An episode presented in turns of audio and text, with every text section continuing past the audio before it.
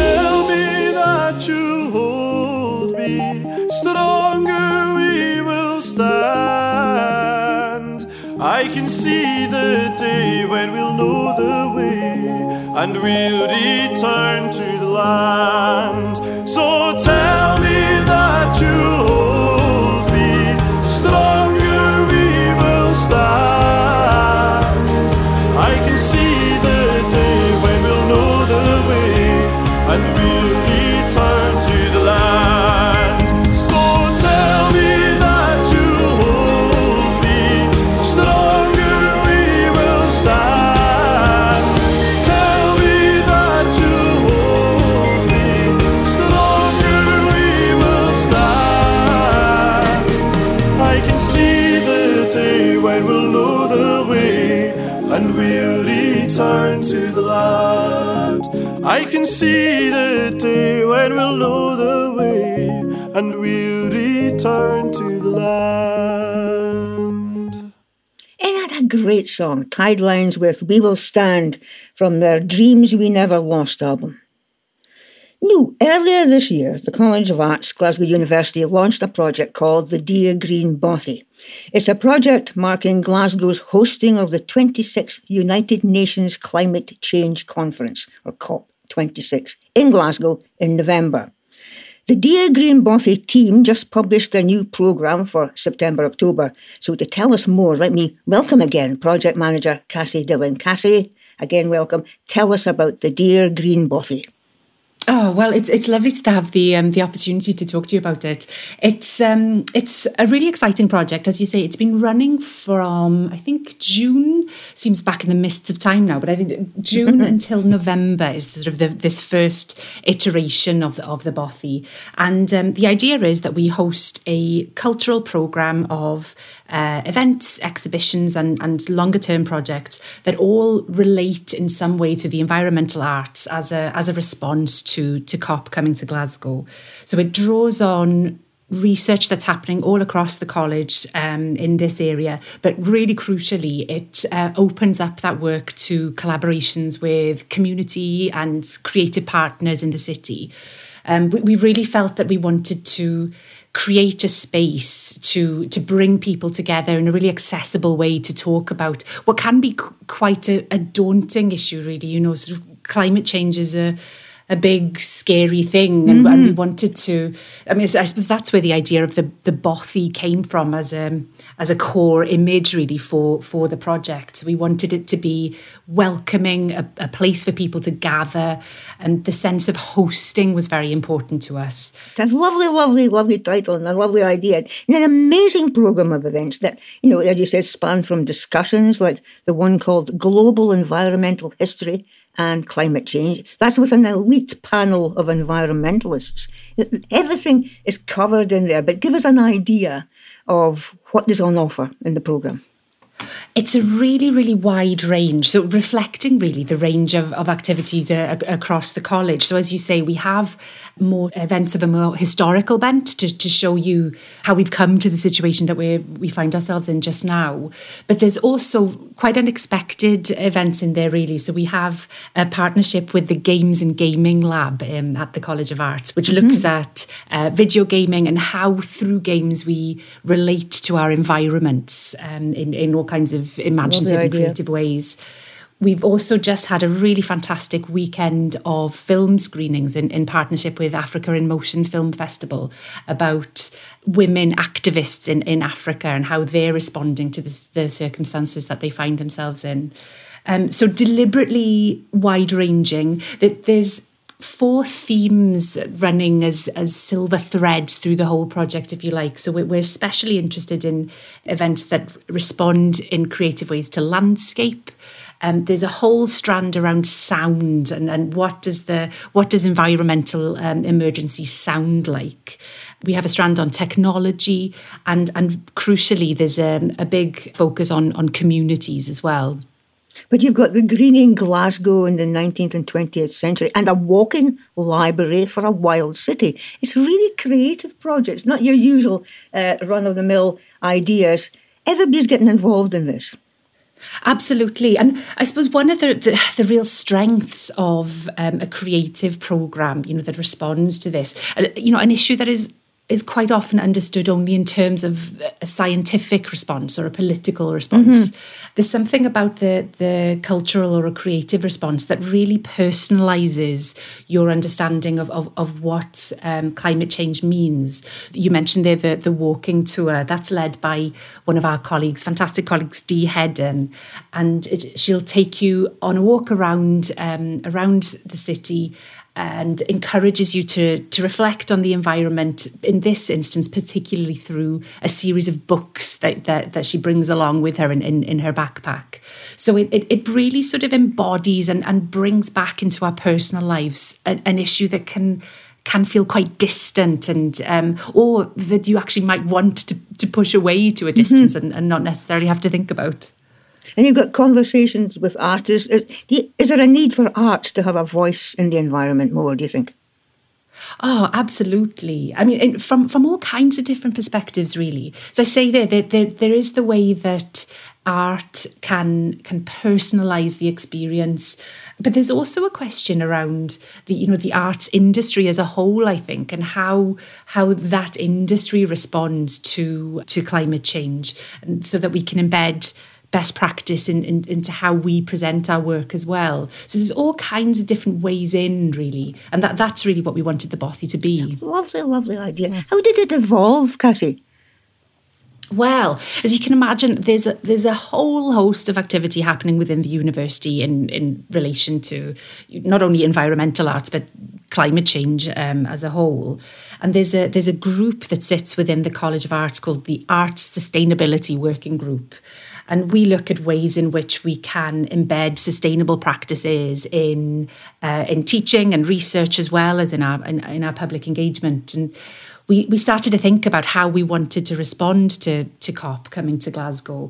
And it really struck us that you know, COP is not the be all and end all of this conversation, of this debate. And while it will be hopefully a, a huge um, positive focus on what we can do, mm-hmm. we really wanted to create a project that that built relationships and that um, that had its own legacy. So, you know, come the end of November, when this stage of the program um, finishes, we're really, really keen for all of the conversations and all of the the creative work that we've brought together. That there's a there's a legacy to that. Be that in the public program that we present or you know potentially into into our teaching back into how we we operate as a college so it's just the beginning watch this space Cassie, before we leave you in this section, but don't go away, stay with us. Uh, give us the website address for those who want to get involved. Of course. So it's uh, www.deargreenbothy.gla.ac.uk. Thank you very, very much indeed. I love this, love this whole idea. And as I said, stay with us. This is a lovely song from Dougie MacLean. This is Shadow of the Mountain.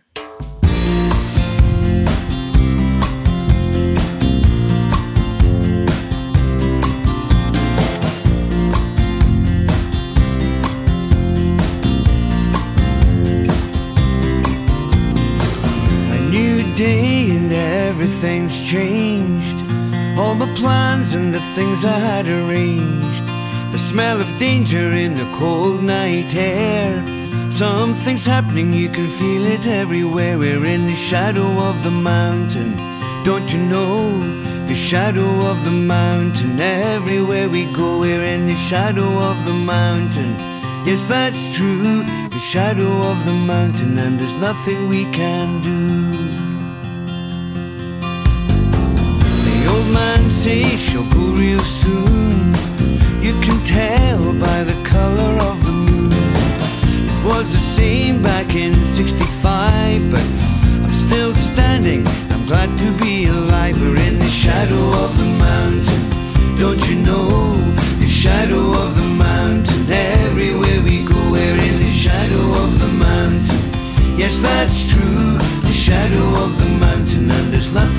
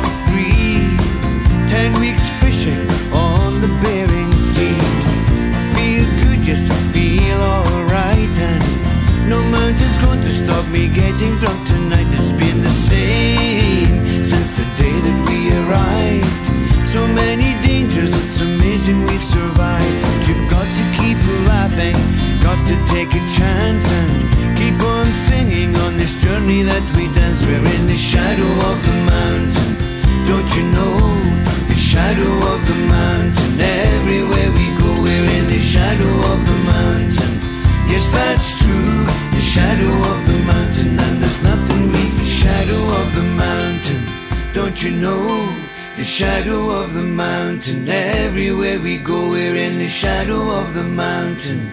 Yes, that's true, the shadow of the mountain, and there's nothing we can shadow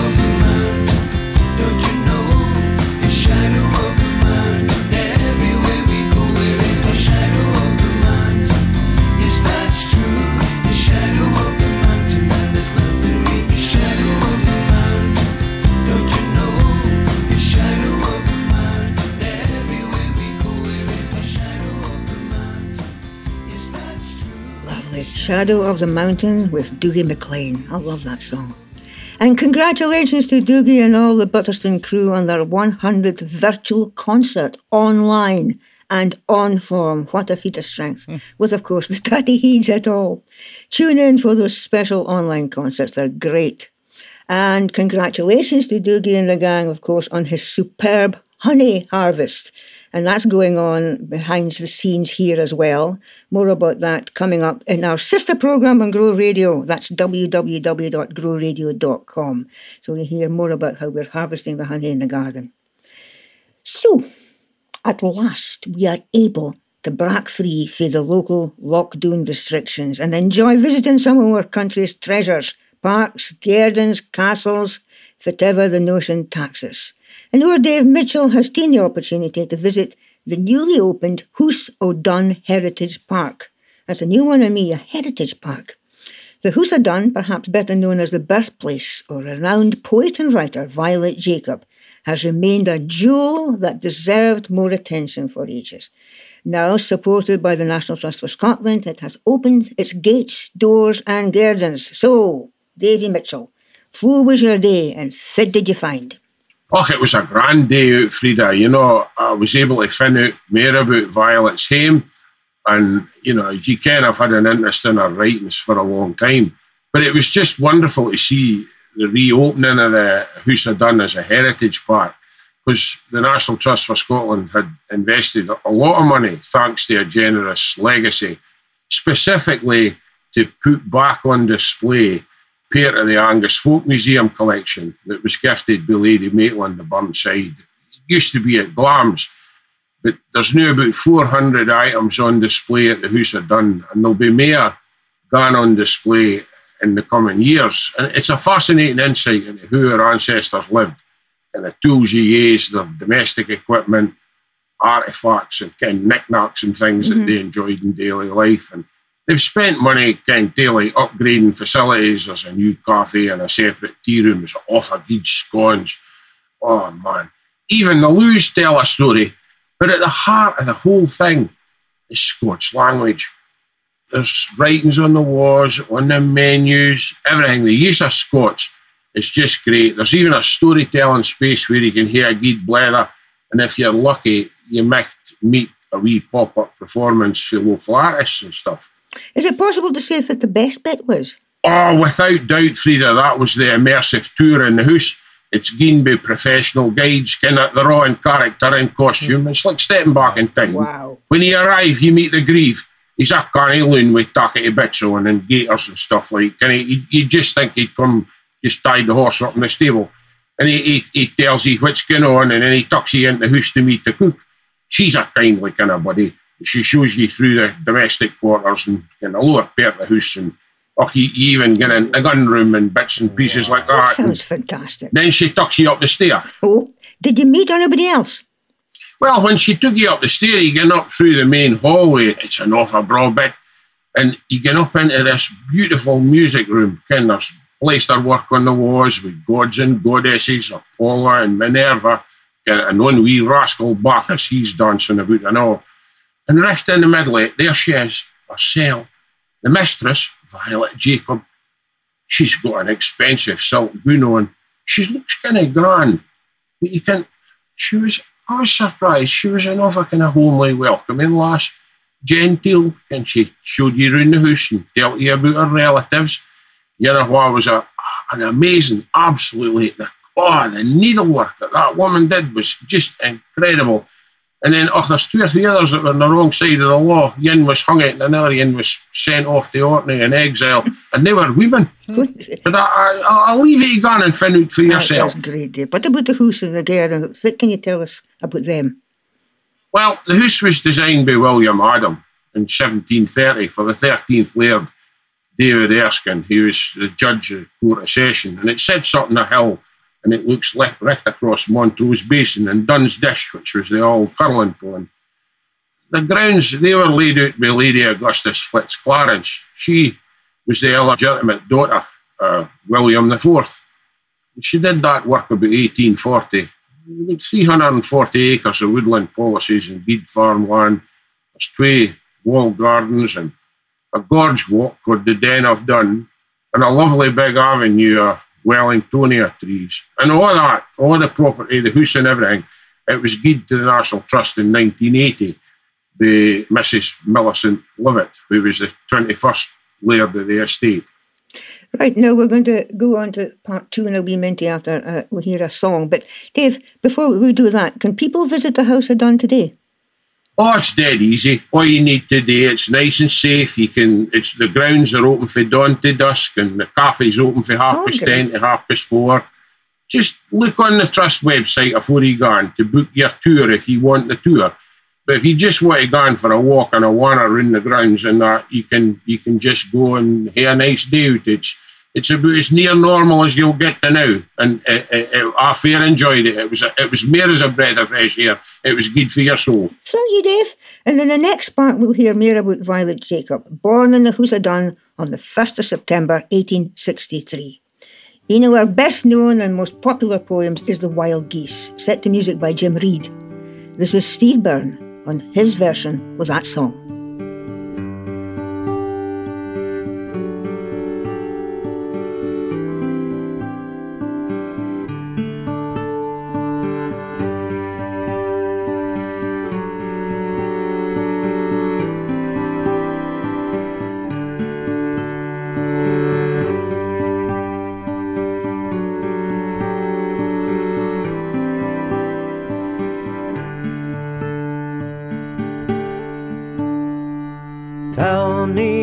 Was on your road, your road in Norland wind.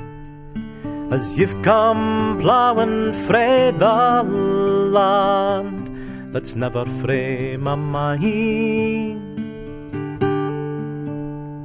My feet they travel England, but I'm dean for the north. My man saw the cellar tides run up the Firth of.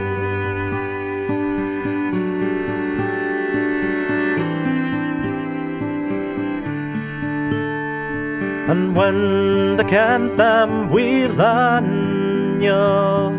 and finally fall and dry, fain not feel the creep and mess on yonder shore that lies. But ye as ye passed them by, for ye on the way.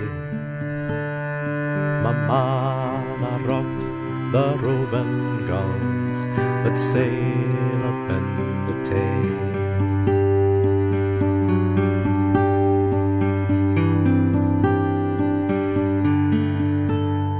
But saw ye neathin the yarn wind afore you come to fight. For there's muckle lying tay means more to me not life. My man has swept the Angus bridge you hanna trod for years. Oh, forgive a heimlands love that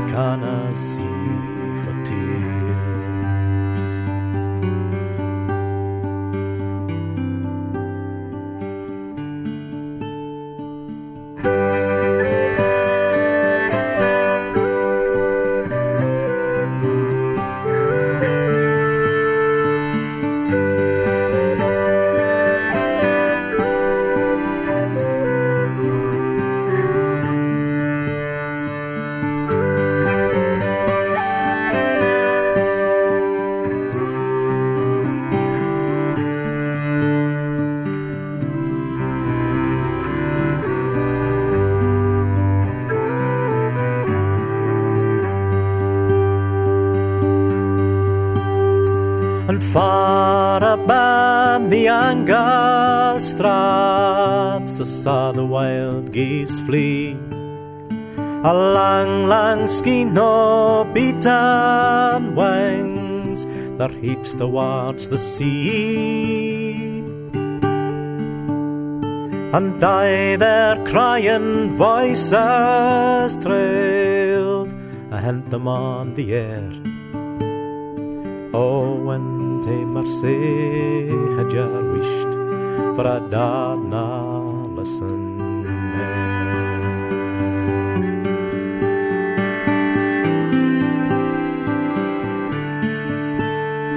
And far above the Angus straths, I saw the wild geese flee. A lang, lang skein o beaten wings their heats towards the sea.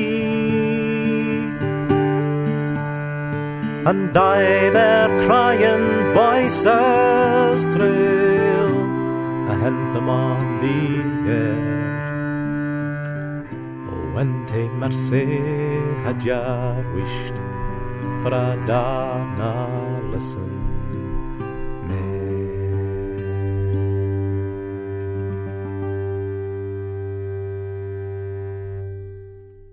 Mm, what can I say? Just so beautiful and so well sung by Steve Byrne. That was The Wild Geese, written by Violet Jacob. And before the, the Wild Geese from Steve, we were enjoying hearing about the reopening of the House of Dun and the new Heritage Park. We enjoy the notion of being without travel restrictions in this country at last, out of lockdown, able to travel to visit and experience the money museums, mountains, galleries, restaurants, and the jewels that are part of our landscape. The castles, the big hooses and gardens, like the House of Dun. For the writer and poet Violet Jacob was born in 1863. So, Dave, back to you. Tell us about Violet Jacob. Well, you know, Violet met her husband, a, a, a fella called Arthur Otway Jacob. He was an Irishman. He, he was a lieutenant in the 20th Royal Hussars. They married in Edinburgh in 1894 when she was 31. And they had a long and happy marriage. But a lot of folk didn't ken about Violet that she went away to bide in India. And then after that, she bided in South Africa and in Cairo before she come back to England and stayed in a squatter English garrison tunes over the years. And it was while she was here in England that her son, Harry, her only son, Harry, he was sadly killed in the Battle of the Somme. And, and that event had a, a massive effect on Violet's life, Mm-hmm. the rest of her life, just as it did for a lot of other mothers at that time. I, I think it would probably be fair to say that she never really got over it. But as well as marrying her man, she married the army. So she never really had a fixed abode. But she actually noted in her diaries that she quite liked living like a nomad. Um, and it was only after Arthur died that she settled down and she came, to put it in her own words, to a good stone house looking down the bay in Kirriemuir. And she lived there from 1936 until she passed in 1946. And she's buried in the Dun churchyard, in the cemetery, Aye. next to Arthur. But of course, she was renowned for being able to to communicate and speak and be one of the about her. She was never in to shut herself away uh, as a member of the aristocracy in the big house, was she? Oh no, no, she never, you know, shut herself away in the big house at all. You know, she was out and about among the ploughmen, under their feet all the time. I, am pretty certain that she was bilingual as a bairn. Mm-hmm. You know, the fact that she was out and about among ordinary country folk, she'd be speaking Scots with them, and then when she came in the house, again she'd have to speak the Queen's English. And, but I think it was that ability that she had to flit like a linty from drawing room to bothy, mm-hmm. from bothy to drawing room. She had that all her life. I mean, when you think about when she lived and worked in India, she went to work in the military hospital for a period of time. And she kept an off abroad journal when she was there as well that was based on letters that she wrote to her mother. She wrote to her mother every week mm-hmm. For, for the five years she was there. She didn't write her journal for, oh, I think about 30 years later, her mother gave her the letters and, and she decided to do something with them. But I think what I admire about Violet more than anything is that fact that she she was able to move between different people of different classes, whether it was in the city or the country or in Britain or abroad. Everybody was the same to her. She spoke to them. She appreciated them for who they were Aye. and what they could do. And, you know, I, I think that's a, a grand lesson to, you know, to learn. Okay, let's take a wee break there, Dave, and listen to Sheila Mann reading one of our poems. Sheila reads for the archives of the Scots Language Society, by the way. It's a great resource. This is Craigo Woods. Craigo Woods. Craigo Woods, with a splash of the cauld rain beating at the back end of the year, when the clouds hang lech with a wecht of their load o' greeting, and the autumn winds a steer. You may stand like ghasts, you may fa i' the blast that's cleft you to rot i' the chilly dew. But when will I mind on earth since the day I left you, like I mind on you, on you? Craigo Woods, i' the licht o' September, sleeping in the soft mist o' the morn, when the hairst climbs to your feet, and the sound o' reaping comes up frae the stookit corn, and the bra reed puddock steels are like jewels blinking, and the bramble haps you baith. Oh, what do I see? In a long licht, lying and thinking, as I see your wraith, your wraith. There's a road to a far off land, and the land is yonder where a' men's hopes are set. We dinna ken fu lang we mun hae to wander, but we'll a' win to it yet. And gin there's woods of fir and the licht atween them, I winna speir its name, but I'll lay me doon by the puddock stools when I've seen them and I'll cry, I'm hame, I'm hame. I'm hame, I'm hame. It's Craigo Woods, written by Violet Jacob, read by Sheila Mann for the Scots Language Society for the archives there. It's a fantastic resource. Take a look at that, highly recommended. Now, we were speaking about Violet Jacob, of course, before that. And Dave, you were telling us more about her life. Have you a favourite work that she wrote? Oh, Frieda, that's that, that's a hard question, you know, because her writing was so varied. I mean, poetry, short stories, Sick as a Yellow Dog. There's another in 58 Wild Swans. And, you know, she wrote four or five novels. There's also a well written and very heavily and seriously researched family history called The Lairds of Dun. But if I just had to pick Yin's short story, it would have to be the Lum Hat. It, it shows what I spoke about earlier that she really can't folk. She kent about their eccentricities, their quirks and fancies. She understood about the hardness of life on the land and the folk working on it.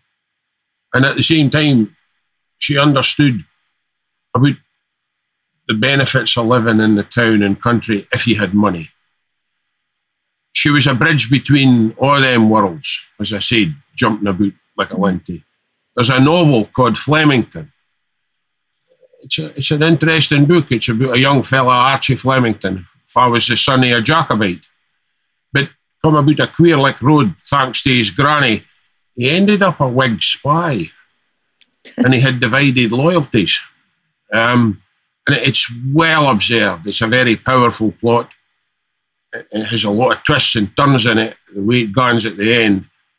And I don't think he could have written about that unless he really understood about division in communities.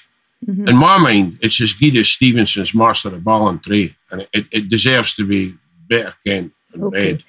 Uh, back to our poems again. Any particular favourites? We've already mentioned the Wild Geese, which I think we agree that's one of our all-time favourites. The, the, the Wild Geese is such a thoughtful poem. It could only have been written by somebody that truly loved the land mm-hmm. and, and, and wanted to return home. It was first published in our Songs of Angus. To me, it, it's like a, an ara in your heart. It's a true celebration of nature.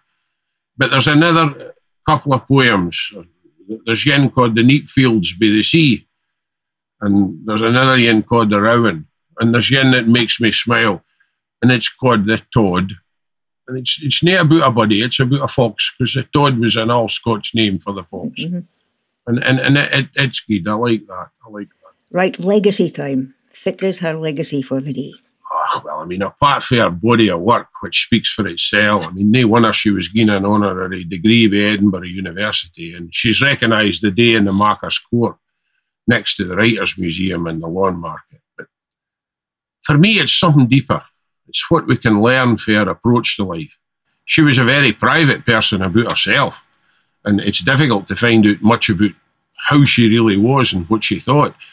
But it's clear as she went about her daily business, she just had a, an openness and a particular manner that allowed her to be at ease with everybody. And I think that's as a bairn because she had the freedom mm-hmm. to go out about ordinary folk.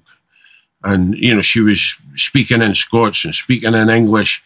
She was using their own tongue and listening to their soul, you know. And she broke boundaries. I, I love the fact that she broke social boundaries. And I get a notion she enjoyed doing that. I mean, just imagine how some of the other memsahibs would have been in India when she immersed herself in Indian culture. Mm-hmm. And she learnt Hindustani and she went to work in the military hospital. She wasn't drinking tea with her pinky in the air with somebody running around about her. She was a woman that was her own person. She kent her own mind, but she used compassion. And I think the fact that she just treated folk with respect and used compassion. Absolutely. And she observed people. She's perhaps one of the greatest observers of people that I know across different cultures. Right, I'm going to bring Cassie in there. Cassie, have we whetted your appetite to learn more about Violet Jacob and the House of Dun?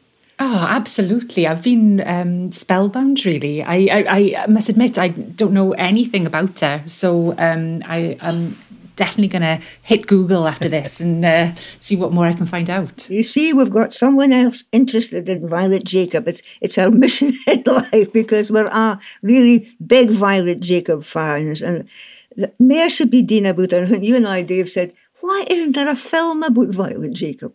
You know, it's, it's a script ready, ready to be made. I mean, I, I knew about her writings, Frieda, and you know when you asked me to do this, it was a big ask because she's a complicated person and it's a big subject. But I've come away from finding out more about her for this piece richer, and I want to find out more. Mm-hmm. Aye. We want, you to, know, we want to air in our company, don't you? You want to fit about inviting Violet Jacob to come out with. That's the sort of feeling I get. We have loved our company.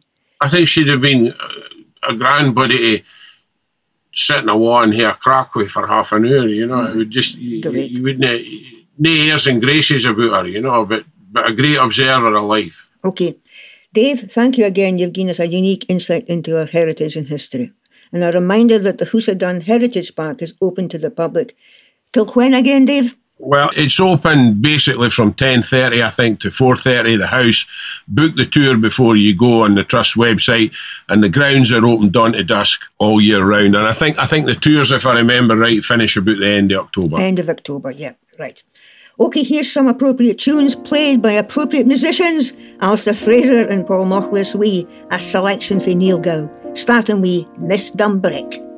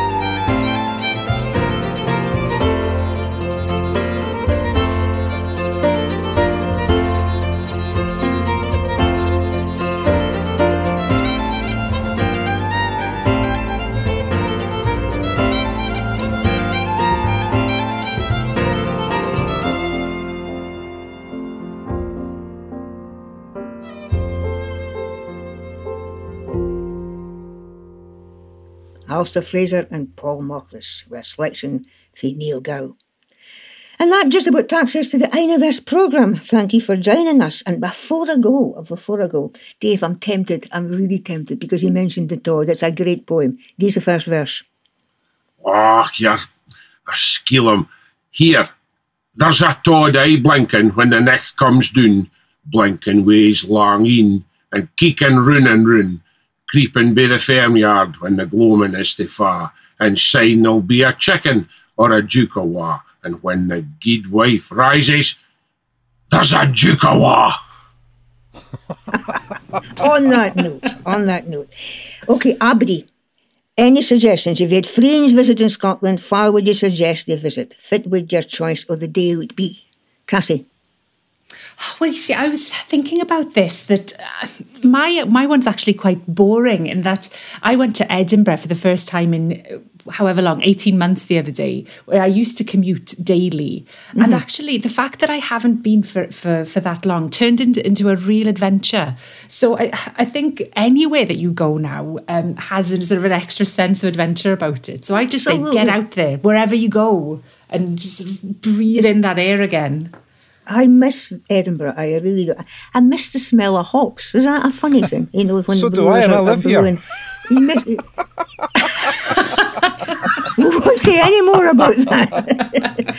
Although I have to say, I was heading over to the Edinburgh Book Festival for a couple of events, and it was very, oh, very lovely. lovely. to be in um, in a live audience as well. Again, so cultural events, big fan. Fantastic. The cultural event. That's absolutely a miss all of that. And well done, David, be getting that. I was wanting to go and see um, I Elvis, Mona oh, Young's I... one. I saw it the first time around in, in, in Edinburgh. And if you can get a chance to see it, it's just a fantastic play. And of course, Elvis is played by Joyce Falconer. And I haven't ever seen an Edinburgh audience standing so long giving wow. uh, an applause at the end, a standing ovation. And I don't know if they understood any of the words. It's all in, in Northeast Scots, Doric. And Joyce Falconer is just fantastic. But they stood there and applauded her for so long. I have never seen that before. It's just just a lovely play. Try and see that. Speaking about the Edinburgh Festival. What else? Anybody else? Any suggestions? I was just going to say, I, I just take myself to the river and I'm going regular trout fishing. And huh? I'm ah. just, but the nice thing about that is, I've met a lot of visitors, and because you're going fishing and they like to hear have you caught anything a bit of crap. And I, I met a fella, I had a, I had a grand chat for 20 minutes with a cyclist that had come up from Northumberland, and I had a blether of folk from Oxfordshire, and I had a blether of folk from Lincolnshire. And you know what? It's just nice to go and, as Cassie said, just to go on anywhere and just just breathe and see folk and be normal, but still just be sensible and be safe and mm-hmm. mind what you're doing. Absolutely. If, I, I, I, said to somebody the other day, just still keep giving folk a wee bit of space. Aye. Aye. On that note again, let me mark our cheery byes for Cassie, Dave, Richie and myself, Frieda Morrison. Thank you for listening. Join us again. And we finish with a favourite track of mine for the pen of one of my favourite singers, songwriters, the late Nanci Griffith. Songwriter Rodney Crowell said in a, a recent interview Losing Nanci leaves a gaping hole in an art form that has long stood by the notion that a thoughtful audience sows the seeds of change. We remember her sweet but grounded presence. This is Nanci. We a Simple Life. I want a simple life